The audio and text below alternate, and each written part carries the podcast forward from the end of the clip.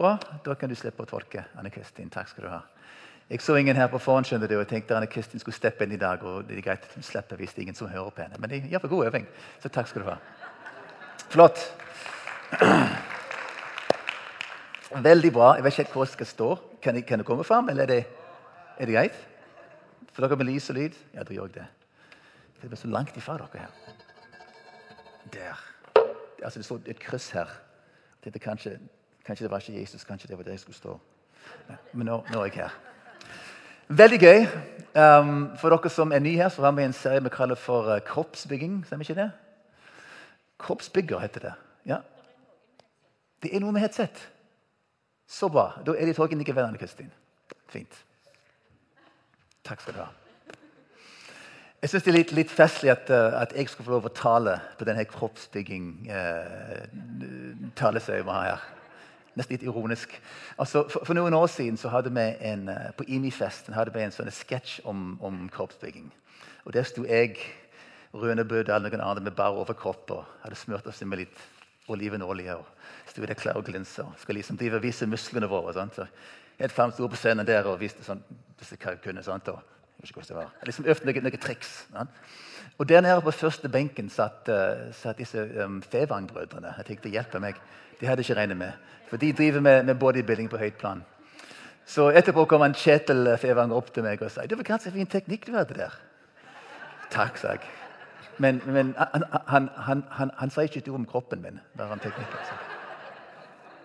Ja. Eh, altså, eh, egentlig det, den, den, eneste delen av kroppen min som jeg holder på å, å bygge aktivt, det er den som, er den som Anne Kristin helst ikke ville at jeg skulle bygge. Denne her, Den vokser så bare det.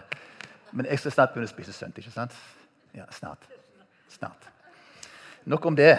Um, Kroppsbygging handler egentlig ikke om, om bodybuilding, det handler om, om Jesu kropp. Uh, jeg regner med dere har forstått det. Det er de fleste som har gått her. Og, og, og, Jesu kropp det er oss. Det er hans menighet. Det er vi som, som representerer Jesus her på jorden. Og, og, Paulus bruker et fantastisk bilde om menigheten som kropp med mange forskjellige lemmer. Forskjellige funksjoner, forskjellige preferanser, forskjellige typer. Men til sammen utgjør vi en helhet. Jesu kropp. Så Det er noen vers fra Efesene der Paulus snakker om disse fem forskjellige nåder eller gaver som Jesus har gitt til menigheten. Og Det er det vi går inn på nå. Disse fem forskjellige eh, typer, om du vil. Fem gaver. Og det er slik at, at Poenget her er at vi skal skjønne hver for oss at alle vi har fått en gave. Vi er forskjellige. Vi skal være forskjellige. Det er nettopp det med mangfold som, som gjør kroppen så sterkt. Men også i, i forskjelligheten, også i mangfold, ligger det eh, enhet. Og samtidig som vi er forskjellige, skal vi være ett. Og jeg håper vi kan forstå mer og mer gjennom disse ukene at, at, at vi trenger hverandre. Nettopp det at vi er ulike, betyr at vi utfyller hverandre, og at alle trengs med hver sin gave. Nå I kveld er det en dag, unnskyld. Jeg, jeg sto opp tidlig i dag. Nå er det formiddagen. Nå I dag skal jeg uh, få lov å, å uh, legge litt ut om denne gaven som, som, jeg kjenner meg mest igjen i. og Det er denne, denne hyrdegaven. Og uh, For meg er det noe som jeg er mer og mer bevisst på de siste årene. Jeg jobber her, jeg, jeg, glemte, jeg glemte å presentere meg sjøl. For dere som er unnskyld. Jeg heter Steve Bruns. Um, jeg er med i, i ledelsen her i, i IMI. Jeg jobber med Agenda 1 menighetsnettverk. Av og til får jeg lov å tale. Og I dag ble jeg spurt om å tale fordi jeg, er, jeg, jeg har hyrdegaven. Derfor snakker jeg om det som, som betyr noe spesielt for meg. Men før jeg snakker om selve hyrdegaven, vil jeg ta litt mer altså, bakgrunn for dette. her. Uh, for dere som ikke har hørt det før. Sikkert mange som har hørt det, Men jeg vil bare sette det i en sammenheng.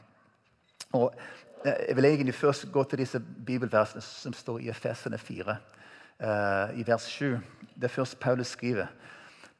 Efesene 4, vers 7. At nåden er gitt hver enkelt av oss, alt etter som Kristi gave blir tilmålt. Se for deg Jesus med disse gavene. Alt som han gir vekk, er hans egen. Han gir vekk seg sjøl. Men disse gavene tar så og deler ut til folker.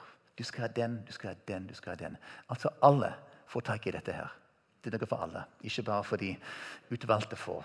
De mangfoldige, som jeg sa, forskjellige gaver. Men så nevner han opp disse her fem gaver som vi har fokus på her i vers 11. Den sier det er han, altså Jesus, som gav sine gaver.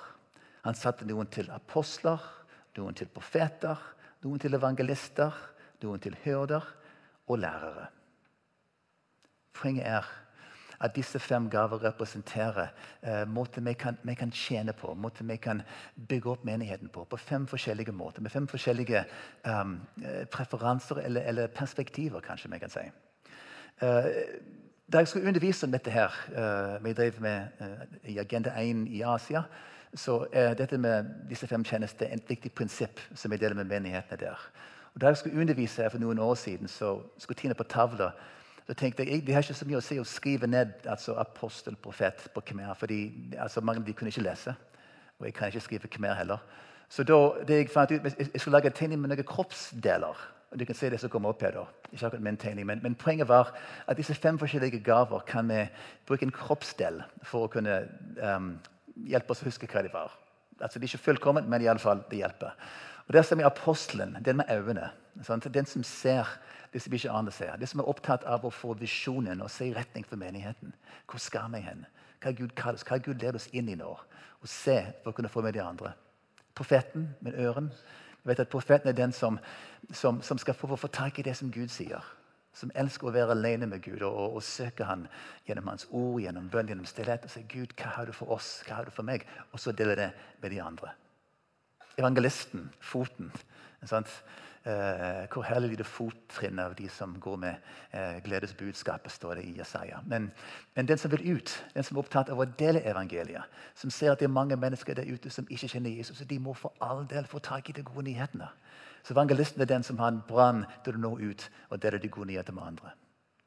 Hyrden, hånden, det skal vi snakke mye mer om i dag, men den som viser omsorg den som hjelper å bygge opp, som inkluderer, som helbreder, som sørger for at folk har det godt, at de får vokse og trives med den gave de har fått, slik at hele kroppen kan bli bygd opp. Så Det siste var lærergaven. Det som uh, Martin og Elling har snakket om de siste ukene, det handler om å få tak i ordet, å få tak i sannheten og stå fast i Guds ord å sette ting sammen og knytte ting sammen. Uh, at vi sørger for at den som Gud har gitt oss, den retningen han har gitt oss gjennom sitt ord, skal alltid være grunnlaget for alt annet som kommer. Så Disse fem forskjellige gavene her i en femkant med, uh, med disse bildene her, kan vise oss litt av, av, de forskjellige typer. Nå er det slik viktig å si her at vi må ikke sette oss sjøl i båser. Det er ikke slik at du har fått én gave, og det er du. Du er profet. Nei, nei, nei. For det er en uendelig eh, antall med unike sammensetninger av disse gavene. her. Du har fått flere gaver. Alle kan egentlig operere inn i alle disse gavene. her. Men, men, poenget er at du har fått um, en gave som er kanskje mest ditt, som du kjenner deg mest igjen i. Og de andre gavene skal være med og, og støtte opp dette. her. Så når vi snakker om disse, her, kan du tenke ja, den, den er meg. Den, den, den, kjenner jeg meg igjen i. Men jeg kan også hente du hører, om en annen gave som du har lyst til å vokse med inn i. Så, så det er ikke båstenkning her. Men det hjelper oss å kanskje få tak i og vokse inn i det som Gud har for oss. enda mer, bli bevisst på det. Jesus han var fullkommen. Han var Gud. Jesus hadde alle fem gaver. Jesus var den fullkomne apostel sendt til jorden. Han var profeten som hørte mer enn noen andre hva Jesus hadde på hjertet. Han var evangelisten som var sendt til de, de, de tapte for årene. Han var hyrden som samlet de, og han var læreren som kunne undervise på en måte som ingen andre hadde opplevd før. Jesus kunne alle fem. Men han bestemte seg i sin uh, evige visdom å ikke gi alle fem til noen av oss. Heldigvis. Det hadde vært ganske kjedelig hvis Irene hadde fått alle fem gaver. Det hadde vært vanskelig å leve med, tenker jeg. Men poenget er disse gaver han, han tildelt. Sånt. Han har tatt det som var sitt, og delt dem ut litt her og litt der. Slik at det sammen representerer vi Jesu legeme. Ingen av oss skal være Jesus, liksom, fullkommen Jesus her på jorden. Samtidig er vårt mål som etterfølger av Jesus å bli lik ham. Ikke sant? Vi ønsker å bli lik Jesus, følge han, etterligne han, mer og mer lik han. Og Det betyr at egentlig alle disse fem gaver her ønsker vi å vokse i. Vi skal ikke bare ta den som passer for meg, og glemme de andre. Men vi ønsker å vokse fram eh, som Jesu legeme og som Jesu etterfølgere. Der alle disse fem, fem, tingene kan få lov å leve i våre liv. Er det forstått? Som bakgrunn for det vi skal snakke om nå? Um, fra vers 12 og 13 i Efeserne så skriver han litt om, om ved disse gavene. Hensikten. Og der skriver Han altså han Jesus gjorde dette for, for å utruste de hellige, så de kan utføre sin tjeneste, og Kristi legeme kan bygges opp. Inntil vi alle når fram til enheten i troen på Guds sønn og i kjennskap til ham. Og vi blir den modne mann og kvinne som har nådd sin fulle vekst og har fått hele Kristi fylde. Poenget er å bygge opp. Hensikten er å tjene legemet, og tjene kroppen. Og Det er helt innlysende at kroppsdeler ikke er til for seg sjøl. Alle kroppsdeler er med for at hele legemet skal ha det godt. Skal finne sin funksjon og utføre den på en måte som er godt for helheten. At jeg kan vokse, jeg kan bli moden. Så de gavene vi har fått, ikke for oss sjøl. Det er for de andre.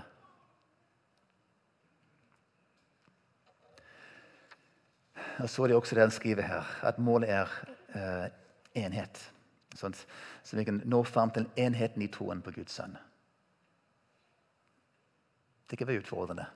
Så hvis vi kommer tilbake til Forskjellighet vil også føre til spenninger. Og de kan føre til konflikt, splittelse. Men poenget med de forskjellige vi skal lære å anerkjenne hverandre, heie på hverandre, stå sammen i vår mangfold, i vår forskjellighet, slik at vi kan være ett i Kristus. Enhet er viktig, og så modenhet. Å vokse fram til alt det han har for oss. Ålreit, dere har bakgrunnen. Hva er en hyrde for noe? Hyrde. Uh, på engelsk kan um, de bruker både ordet 'shepherd', som er bokstavelig som passer sammen, men også 'pastor'. interessant nok. For pastor også kommer fra den, den, begrepet om den som, som, tok seg av flokken. Hva er en hyrde? Bibelen, gir oss uh, flere bilder av både Gud og Jesus som hyrder. Og I disse bildene her kan vi få tak i mer av hva de betyr. En hyrde det var noe som var veldig kjent til det jødiske folket. som ordet var født hos. For de var et, et eh, landbruksfolk. Eh, alle visste om disse flokkene med sauer eller geiter at du trengte en hyrde å passe på dem. En hyrde som skulle sørge for å, å, å holde flokken sammen.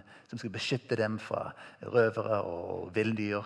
Som skulle lede dem til det de kunne få tak i i, i beite, sånt gress og, og, og, vann. Så sauen og, og geiter de, de trengte hyrder. Så en hyrde for Guds folk er et lett bilde for dem å få tak i.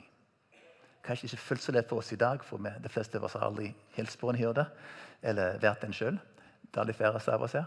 Men, men, poenget er med dette her, er at um, hyrdene det var noe, et, et, veldig kjent begrep for de folkene. Sin, sin funksjon.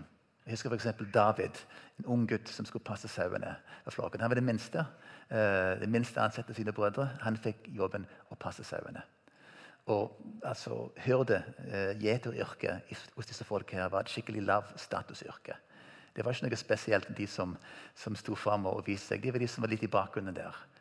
Så det er interessant at Jesus og Gud velger å bruke dette her bildet på seg sjøl. Det er kanskje en viktig ting å få tak i.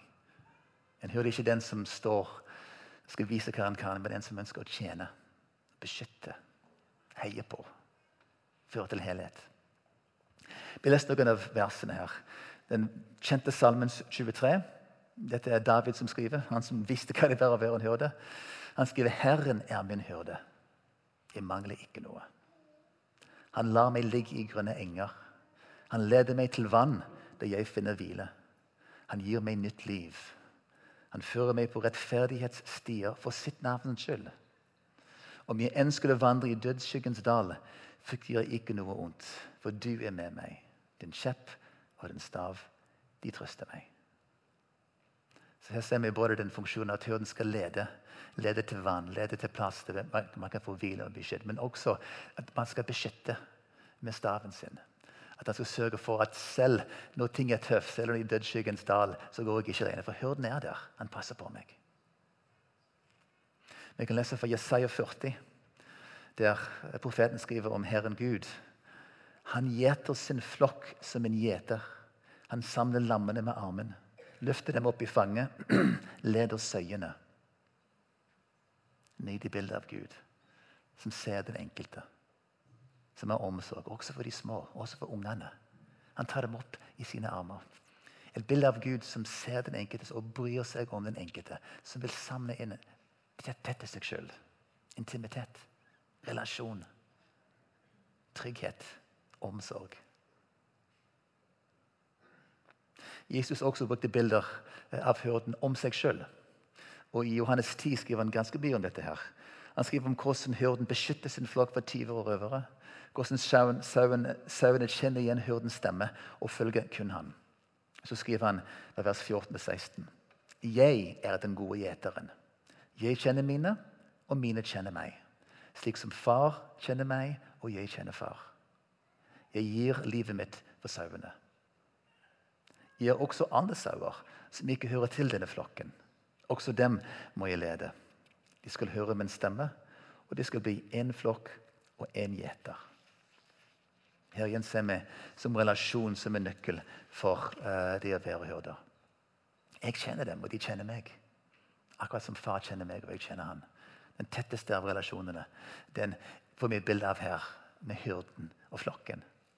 Og, og snakk om det Og utvide flokken. Interessant. For Jesus vet vi kom. Hans oppgave var til Israels folk. Han kom for å være hyrde for dem. Men så sa han men det kom en dag der vi skal utvide flokken. Også andre. Også oss nordmenn langt oppe på berget her.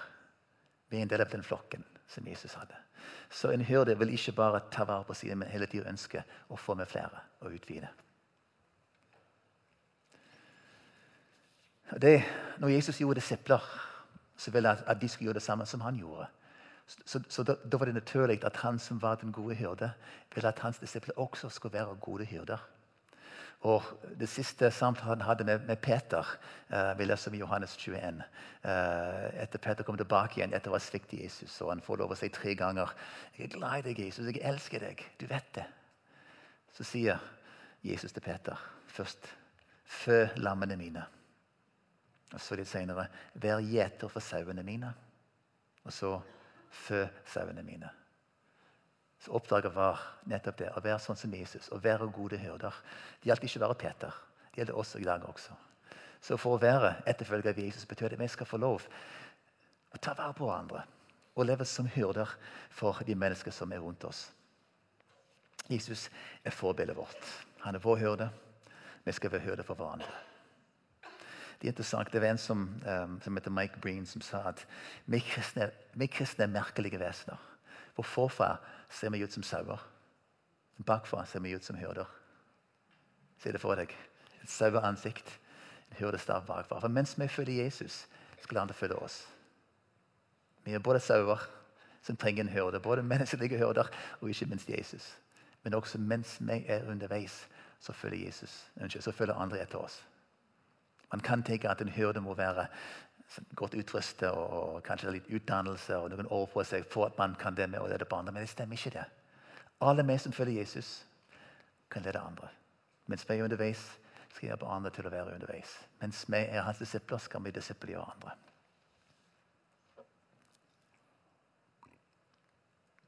Går det greit? Ja, dere våkner fortsatt? Så bra. Um, jeg har lyst til å gå inn på, på selve hyrdegaven, her, hvordan de ser ut uh, i menigheten. Og Det er tre, tre stikkord som alle gode taler skal ha. Uh, det første handler om omsorg.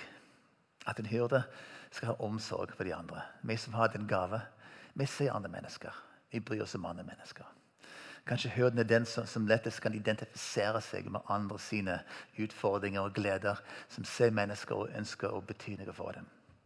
En hyrde som kan sitte der se inn i folks øyne og spørre hvordan har du det, og faktisk vente et svar. En som, som um, vil gå den ekstra milen sammen med andre. Som ønsker å tjene. Som uh, har empati. En omsorgsperson. Um, men, men, det handler mer enn bare å, å, ta vare på den ene. Det handler også om å sørge for at vi kan få til en, en plass der man kan bli helbredet i en menighet. For en, en hyrde vil se mange mennesker som har sår, eh, som går og bærer på ting. Enten fysisk eller følelsesmessig eller emosjonelle. Så poenget er at vi kan som hyrde lage til et miljø der helbredelse er tilgjengelig. De mennesker som har behov, kom. Vi skal hjelpe dere. Ikke bare meg, vi har jo et helbredelsesrom, vi har forbønn, vi har folk, veiledere. og sånt. Eh, jeg har lyst til å hjelpe deg å bli hel og vokse og Derfor kan vi bruke uh, dette her, den gave til å hjelpe folk inn i den helheten der. Inn til Jesus. Min historie altså Jeg har alltid vært en som, som har lett for andre mennesker og, og ønsker å være sammen med dem. Uh, jeg liker mennesker. det er bare sånn som Jeg er en sånn people person, sier de på engelsk. Så for meg, Jeg, jeg ville mye heller satt meg ned en god samtale med en enn å reise ut på byen og, og kjente at Jeg liker å være sammen med folk og høre deres historier. Og jeg, eh, jeg synes det er interessant. Altså Når folk snakker til meg om sine utfordringer, vil jeg alltid prøve å finne en løsning for dem. Jeg har lært etter hvert at de ikke alltid kan gi dem en løsning, men kanskje hjelpe dem å finne den løsningen de trenger. Men disse her samtaler har jeg sett etter hvert som jeg har jobbet der i har vokst. Jeg har blitt mye tryggere i å være til stede med folk. Jeg har, jeg har, alltid hatt den kanskje lengselen, sånn som jeg var jeg var som, som, barn, men jeg var kanskje for beskjeden før å gjøre så mye med det. Etter hvert når jeg blir tryggere på hvem jeg er, på hvem Gud er i meg, så har jeg forstått at jeg kan være med og hjelpe andre, selv om jeg ikke er terapeut eller har lært lest alle bøkene. Men mens jeg går, kan jeg ta det med meg. Så for meg, altså, Kanskje det viktigste med dette her hurdebildet at jeg har skjønt at det er sånn jeg er skutt sammen. Det er sånn jeg har det. Og, og, det er ikke bare forresten en åndelig gave. Jeg, jeg, er sånn at min, min, personlighet er slik. Og det er mange av oss som har den samme eh, utrustning. Folk som jobber i helseyrker, i omsorg, typisk omsorgsyrke, som har lyst til å være med folk og hjelpe dem videre. Er sannsynligvis et sånn hyrdegaven de har fått av naturen. Men når vi tar den gaven inn i menigheten, og lar Gud jobbe i oss og gjennom oss, da blir det en, en åndelig gave. Det blir Jesu nåde som virker gjennom oss. Mer enn bare den naturlige utrustning. Omsorg det er en ting. Det neste er dette med å kunne bygge fellesskap. Community. Og inkludere folk i dette her. I en, en menighetssammenheng, om det er en stor kirke, eller en huskirke eller en ungdomsgruppe, så vil den som har hørt det, ha et, hjerte for å inkludere folk. Og sørge for at den, uh, dette fellesskapet vi har, er et, et godt sted å være. Her kan man komme og bli sett her kan man komme sånn som man er. Slippe å måtte eh, eh, ha på maske og opptre på andre måter. Vi skal sørge for at ingen blir utestengt her. At alle skal få lov til å å med og bidra med det de har. Et utrustende fellesskap, et inkluderende fellesskap. Vi ønsker å skape trivsel. Det skal være gøy å være her. At det skal ha god lyd og god musikk og gode historier. Vi må komme, De som kommer hjem, vi må, må, må ta vare på dem. Så det er sånn, Den som er opptatt av den, den sosiale tilknytningen i fellesskapet det er hyrden. Omsorg ikke bare én og én, men også å skape det miljøet der folk syns det er godt å komme. Og de kan vokse i det de har. Jeg kan Baksiden også er at uh, i en menighet så vil det være folk som kommer og går. Og Det er alltid litt sårt for en hyrde når noen forsvinner fra flokken. Enten de skulle flytte vekk eller slutte. Fordi vi bygger relasjoner, vi bryr oss om mennesker. Så når de forsvinner, så er det også en liten bit av meg som forsvinner. En, en hyrde må gjøre seg sjøl sårbare når man går inn i relasjoner. Det, vil si også, det, det er en, en, pris å betale for dette. her. Også konflikter kan være vanskelige. Og vi ser at, at når det oppstår ting i menigheten Noen kan bare si drit i det. Men så hører de hjertet på tenke søren òg. Dette må vi gå inn. Vi må hjelpe disse folk å finne hverandre. Vi må se om vi kan få til en forsoning her. Enten det er et, et, et ektepar eller det er folk som jobber tjenester sammen. Vi må, vi må få dem sammen her. Sant? Folkens, dette er vår familie. Det er egentlig det dype sett det handler om. Det er å bygge familie. Vi er Guds familie. Vi som er Guds barn, vi er søsken. og Vi ønsker å leve som familie. Så en hyrde vil ha som, som ansvar og som, som, hjertespråk å samle folk i tette, gode relasjoner. Det er ikke bare en plass vi går. Det er ikke, bare en plass vi kommer på søndag. Eller, men det er faktisk en familie. Og Vi ønsker å hjelpe folk å fungere sammen med hver sin personlighet med hver sin bakgrunn og gave. Uansett hvor du kommer fra. Vi ønsker å se deg og inkludere deg. Og så ønsker vi å beskytte dere også.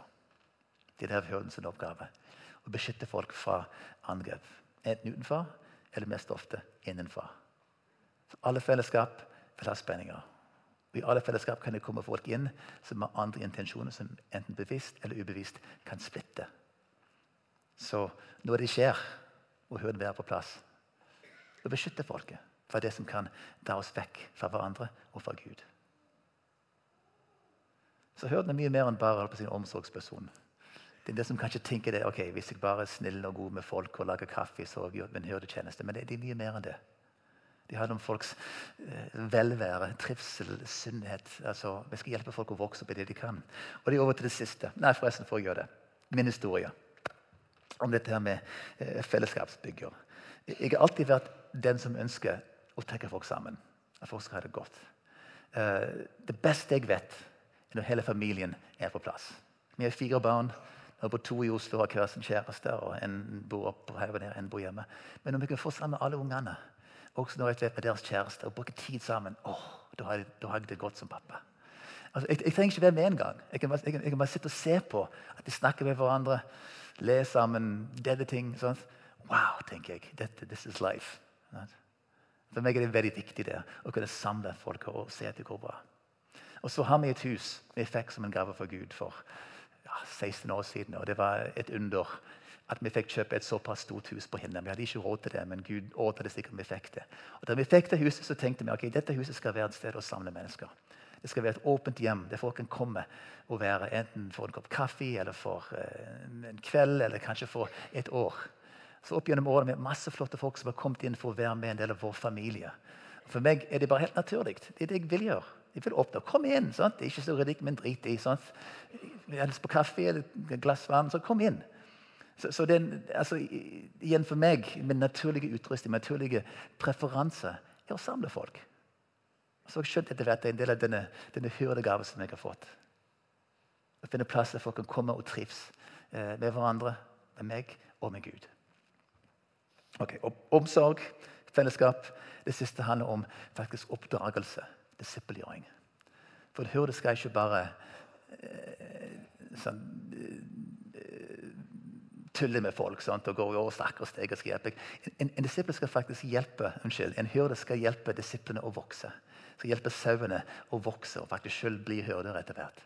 For Vi ønsker at, at, med den gaven vi har, vi skal få folk med oss. Vi skal vokse. Vi skal ikke bare mate dem, vi skal reise dem opp og utruste dem. Så Disippelgjøring er en typisk hyrdegave. Klart Alle er med på hver sin måte å disippelgjøre. Men en hørde, et hørdes hjerte ønsker at folk skal vokse og trives og ha det godt. Derfor ønsker vi å skape et miljø der folk kan vokse, kan utruste, kan få tak i det de har fra Gud for å, oppnå sin fulle potensial. Vi som foreldre ønsker å se at våre barn vokser og tar i bruk de gaver de har fått, og blir det som Gud har tenkt skal bli. Sant? Det ikke bare hyrde, selvfølgelig. Men, men, det er kanskje spesielt for den hyrdegaven i menigheten. Vi ønsker at folk skal vokse. Disipler som kommer fram og bli voksen, modne etterfølger av Jesus. For meg har det vært uh, interessant etter hvert når jeg har jeg vet med i Imishak, å se hvordan jeg har vokst mer og mer i denne disippelgjøringsrolle. Før var jeg litt beskjeden, litt, ikke så mye tro på min egen gave. Og turte ikke helt å kalle meg selv for leder. Nå jobber jeg i et menighetsnettverk der vi har altså 400 menigheter i, i 12 land i dag. 13 land. Der vi er med å utruste ledere, menighetsledere til å utruste menighet igjen til å leve misjonalt. Vi går sammen med dem i lærerfellesskap, altså eh, prosess, eh, for å hjelpe dem til å kunne få tak i det som Gud har gitt dem, så de kan nå ut til flere. Så Hvordan kan vår menighet faktisk påvirke hele samfunnet vårt? Nå flere. Ikke bare tenke her, men nå ut. Så nå er jeg i en posisjon der jeg disippelgjør både direkte og indirekte hundrevis, tusenvis av ledere. Hvordan skjedde det? Det er fordi jeg som hører, ønsker at folk skal komme videre. Jeg er ikke fornøyd med bare å stå og snakke til folk. Det er egentlig her når jeg står på en scene og snakker til folk, er veldig unaturlig for meg. Jeg vil mye heller gå sammen med deg. Finne ut hva er du Hva potensial har du fått? Hvordan kan jeg hjelpe deg å realisere det som Gud har gitt deg? Det kan vi delvis gjøre fra en talerstol, men mye mer enn til en eller i grupper. Det er det det skjer. Så, så, det at jeg er den jeg er i dag, er fordi jeg har fått lov til å, å gå ett skritt om gangen med gode folk rundt meg som utfordrer meg, tatt meg ut på vannet og sier etter hvert at jeg kan bruke den gaven til langt mer enn å bare vise omsorg til enkeltmennesker. Ser vi det? Så hører det handler om å se folk, ha omsorg, det de gjør, hjelpe dem å vokse, men også til å beskytte til å uh, skape gode fellesskap og til å hjelpe folk å få tak i det de har, og bruke det. For å kjenne Guds rike, kjenne menigheten, forandre samfunnet. Yes, well En litt, et, poeng, et bonuspoeng her. Dette gjelder ikke bare menigheten. Det å kunne være hyrder, eh, det å kunne vise omsorg, handler om hele livet. Og Noen av de folk i vår menighet, akkurat som Toren vi møtte før i dag, som kom frem og fortalte om Albania, hun er en av mine helter. Hun har et hyrdehjerte til tusen, som tjener, som bygger opp med seende her i huset, sånn at alle skal på en måte trives og ha det godt. Men også hjertet for andre en ting er Albania, en annen ting er alle disse her innvandrerne hun har fått kontakt med gjennom årene. Det å se dem og bry seg om de bruker tid med dem. Og mange mennesker har fått erfare Guds kjærlighet og Guds sannhet gjennom troen sitt liv. Hennes måte å, å, å, dele evangeliet på, ikke gå ut på gata, men til å sitte ned på kaffebord sitte ned og snakke med folk. Og Flere har kommet til tro nettopp pga. den gave hun har. Så den gaven vi har, gjelder ikke bare i menighetene, men også i de miljøene der Gud har satt oss langt ut forbi kirka. Bra. Det siste del av talen vil jeg snakke om hvordan vi som hyrde forholder oss til andre i menigheten. Folk som har andre gaver. Og Vi viste disse fem her oppe før. ikke sant, Med eh, apostel, profet, evangelist og lærer. Hvordan vil jeg som hyrde forholde meg til de andre der? Nå har jeg bedt fem stykk komme fram her. Fem frivillige. Kom opp på scenen her. Skal jeg lede en illustrasjon her.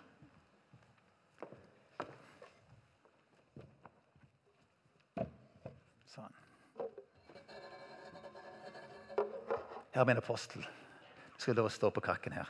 Hvis du spør en apostel hva er det viktigste, det vil si, vi, må, vi må være med på det som Gud gjør. Sant? Apostelen ser mer enn de andre. De ser framover. Det skal vi. Nå må vi peke utover. Sant? Kirka, vi må ut. Vi må videre. Gud har kalt oss til å vinne dette, denne byen, dette landet, denne verden. Sant? Kom igjen, folkens. Sier du det? Her går veien. Følg etter. Ok? Bra. Så har vi en, en, um, en uh, profet her. Kom igjen. Du skal være en profet. Du skal komme ut. Altså, når jeg spør deg hva er det viktigste i menigheten her, er helt klart, Som profet skal de høre på Gud. bruke tid med Han. Ja? Skikkelig opp. ja. Det, det, er greit å gå ut, men, men, men først må vi spørre Gud. Sant? Vi må få tak i det stedet på hans hjerte. Ellers bare går vi på, på måfå. Så det viktigste er å bruke tid med Gud, lytte til han, få tak i hans, hans, hjerte. For oss og for folk som er rundt oss. sant? Ser vi det?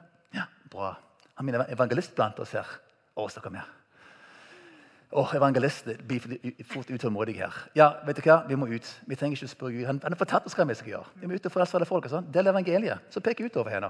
Vi må ut. Ja, det er fint. Vi må ut og få tak i folk. Flere må få tak i Jesus. Vi må ut og dele evangeliet.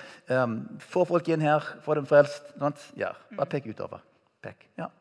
Og så har vi en lærer her. Kom igjen. En lærer De vet at det viktigste i menigheten er å få tak i Guds ord. Vi skal være forankret i Guds ord, i sannheten. sant? Fundamentet vi bygger på, det er Guds ord alene. Og Det er greit å søke Gud etter det, men vi, vi har ikke veldig mye allerede her. Sannheten er viktig. Sant? Vi må forkynne Guds ord, undervise å få tak i Guds sannhet for dem. Så peker nedover. Så har vi en hørte, da. Given Gunnar. Meg og deg. Hva er det viktigste i menigheten? Jo, det er å ta vare på folk. og sånn. Vi peker innover her. Vi må hjelpe folk å vokse og trives. Vi må inkludere folk sant? her i menigheten. da. Det er greit å gå ut, selvfølgelig, ut, men vi må ta vare på de vi har også. ikke sant? Vi skal ikke bare ut på gaten, vi må ta vare på de som har kommet inn. De må vokse, ellers bare forsvinner de ut igjen. Så Hvis jeg spør hva er det viktigste i menigheten, hva ville du svart? Hvem har rett av disse her? Det er klart alle har rett. Alt er viktig. Men Gud vil skape forskjellige lidenskaper i oss, forskjellige preferanser, forskjellige mål og visjon. Det som ofte skjer i en menighet, er at vi har liksom to fløyer. Vi kan si Disse her representerer denne pionerånden. De som skal opp og ut og videre, litt utålmodige. Litt svart-hvitt.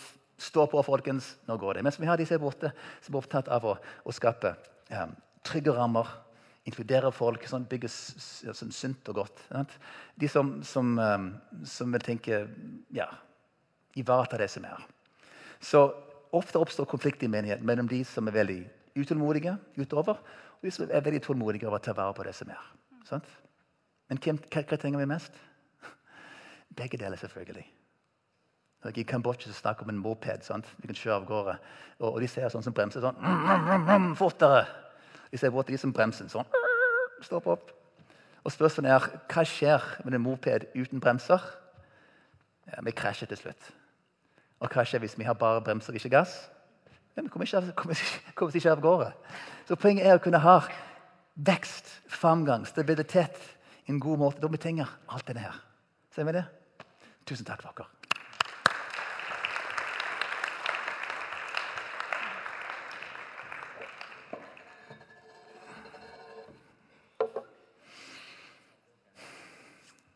Det å være en hyrde i min kirke er ikke alltid enkelt. Iallfall i staben. For jeg jobber sammen med folk som er veldig der ute. Utålmodige, visjonære, apostler, evangelister. Og ofte vet meg som har vært den eneste hyrde i gjengen her, som skal prøve å, å, å få eh, altså balanse i, i, tingene her. Og eh, altså, Terje Høiland uh, uh, Dere kjenner han? sant? Terje, Han som står på kollektene for Kambodsja sprut ut. Han er evangelist til 1000. Sant? og Apostel skal ut og vinne alle. Og Så sitter jeg på samme kontor. Jeg sier ja, til, jeg forstår det, men sant? vi må jo disippelgjøre disse folka her. Hvordan skal vi sørge for å bygge gode Vi trenger, vi trenger sant? gode ressurser. vi må ta, Ja, men sant? Så vi driver i hver vår retning. Det er klart, Vi jobber sammen, men det kan være spenninger av og til.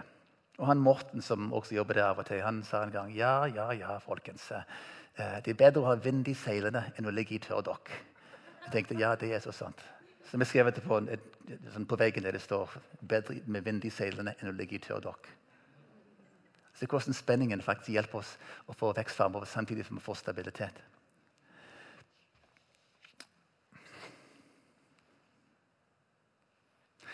Det er altså to, um, to grøfter en hyrde kan gå i. Og begge de to har jeg ofte funnet meg sjøl i. På den ene siden i denne her, det jeg vil kalle for sånn skylapphyrde. Mitt perspektiv er det viktigste. Vi må ta vare på de folka som er her. Vi må sørge for å, få dem helbrede og vi må få dem utrustet. Vi vi, må, ha en menighet som ser folk. Vi kan ikke springe av gårde hele tida. Og Det vil ofte gjøre at jeg ser ting fra mitt perspektiv og glemmer at jeg er med på andre sine perspektiver.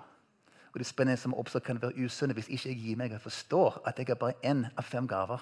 At alle disse her trengs. Se for deg en, en typisk bibelgruppe eller huskirke som ledet av en veldig sterk hyrde. Nå skal vi starte en ny huskirke. Vi ønsker å frelse hele Stavanger. Men først må vi, må vi bli, bli uh, trygge på hverandre. Så Nå skal vi samles og dele troshistorien vår og spise sammen. Sant? Dele hverandre, be for hverandre. God tid på dette. her. For Den dagen vi blir skikkelig trygge, da skal folk bare komme til oss som fluer. Sånn. Da skal det bli attraktivt å være hos oss. Det skal være så sunt og godt. Og Vi jobber, og vi bygger, og vi ber, og vi har det kjekt sammen og koser oss og vokser. og Går ut i ring. Sant? År etter år. bare oss der. For, vi, for det første er vi ikke trygge nok til, til å få nye folk inn. Og etter hvert blir det såpass trygt at hvis vi får andre inn, så vil de ødelegge det gode vi har. Sant? Så en hører det snart på skylapper vi er så opptatt av sin funksjon at til står vi bare der og, koser, oss med hverandre. Og til slutt er det ikke kos lenger heller. Sant? Vi vokser ikke, vi kommer ikke videre. Det er jeg vært. Den andre grøfta vi kan gå i, er det som um, jeg kaller for den underlegen hyrde. Det som egentlig ikke har så mye tro på sin egen gave. Det er det som jeg har slett mest med her i kirka. For der jeg henger med folk sånn som, eh, som Martin, sånn, som der ute visjonære tenker Søren òg, jeg har ikke så mye visjon som han. Folk som, som Bjørn Wang, som, som, leser Bibelen, forstår ting, legger det ut. tenker Søren òg, jeg, jeg, kan ikke like mye Bibel som han. Jeg har ikke forstått så mye sannhet som han forstår. Disse her bønnefolk, Anne og de andre, som, som elsker å bare være i Guds nærvær, være i Guds nærvær, og be timevis og lytte til Gud og tenke for mange ting. Jeg tenker, nei, jeg hører ikke så mye. Sant? Jeg bruker ikke så mye tid i bønn som de gjør. Og spesielt evangelistene. De er de mest plagsomme. Og de skal ut og vinne hele verden. Gå på gater og be for syke og tenke ah, Jeg vil ikke. Jeg føler meg ikke komfortabel der. Men jeg er bare, jeg er bare den som, som rydder opp etter de andre. Som vet å snakke med folk. Jeg er bare en hyrde. Fordi en menighet med et sterkt fokus på disse her spennende gaver, så vil de fort at de, de mindre spennende gaver blir litt mindre viktige. Sant? Og Jeg tror det er veldig mange her som kanskje føler sånn også. Ja, jeg er ikke så god å eh, lese Bibelen. Jeg er ikke så flink å høre på Guds stemme. Jeg vil iallfall ikke være evangelist, men jeg kan koke kaffe. Jeg er bare Men det, det er tull. Det er løgn, for helvete, at den gaven jeg har, er mindre verdt enn de andre. Tilbake til Kambodsja. Den samme gangen jeg tenkte disse fem kroppsdeler. Så, um, altså, På begynnelsen så spør vi alltid rapporter hva som har skjedd siden sist. Og Det var én menighet som kom fram. De var så stolte. De hadde vært var de 100 stykker frelst siden sist vi var sammen. seks år. Fantastisk! Masse folk kom til tro. Det tegner under helbredelse. De vokste som bare juling. Sant? Det var på den plussiden ved evaluering. Alltid på evaluering som er pluss og minus. Altså pluss. Wow, tenkte jeg. Dette var spennende. Dette, var, dette må jeg skrive tilbake til, til Norge om. Og Så kom minussiden. Ja, det som er vanskelig, er at disse folk som er frelste, de kommer ikke i kirka. De har sagt ja til Jesus, men vi klarer ikke å få dem til å komme i kirka. Hm. Hva skal vi gjøre med det, tenkte jeg. Litt senere på samme samling så hadde vi undervisning om det femfoldige. Så spurte jeg David hvor mange tror de, de er evangelister. Det sammen, de mediene opp med en gang. jeg var stolte. Ja, vi er evangelister. Ok, Hvor mange har, har en hyrdegave? Nei. Ok, vi kan vinne folk for Jesus. Men hvem skal ivareta dem? Hvem skal inkludere dem? Hvem skal grunnfeste dem og hjelpe dem å vokse som disipler? Disse skjevhetene her er farlige. Enten springer vi av gårde og tar ikke vare på de som kommer, eller så går vi i en ring med de som ivaretar. Vi trenger begge deler her. Og hyrdegaven er helt nødvendig for å kunne se en sunn menighet som vokser. Som kan være med og leve ut det livet Gud har gitt dem. Sant? Og sørge for at andre også, også skal få tak i det som Gud har lagt ned i dem. Omsorg, fellesskap, vekst, disippelgjøring. Det handler ikke bare om å ta vare på folk, det handler om å gjøre disse sauene til hyrder. Jeg skulle ikke sagt med sånn som sauer forfra og hyrder bakfra. Altså Vår oppgave som hyrder kanskje ofte begynner med å vise omsorg. Men dette er et ønske å se at det vi gjør, er å hjelpe folk å få tak i det de har fått, og tak i det som Gud har gitt dem, og begynne å selv gjøre andre til disipler. Sånn? Sauer som biter hyrder. Vi starter med å mate sauene, men så ønsker vi å vokse til å kunne utruste dem til å selv bli hyrder for andre. Bare på den måten der kan vi se at menigheten fortsetter å vokse nå til nye folk. Er det noen som kjenner seg igjen her? Noen som tror de har fått en hyrdegave? Feil sagt. Alle har fått en hyrdegave. Alle vi skal operere innenfor dette her å være hyrde og vise omsorg. Jeg kan ikke la være å vise omsorg bare fordi jeg har en lærergave en evangelistgave. Vi skal være med å ta vare på folk alle sammen på hver vår måte. Men noen av oss, mange av oss, sannsynligvis flertallet av oss, av oss som sitter her i dag, har fått en utrustning, en gave fra Gud, Guds nåde, til å være hyrde i menigheten. Vi er skutt sammen slik av naturlige måter. Og Gud kommer med sin ånd og blåser på disse tingene, slik at vi kan få mange flere til å være med. Sant? Hva skal vi gjøre med det?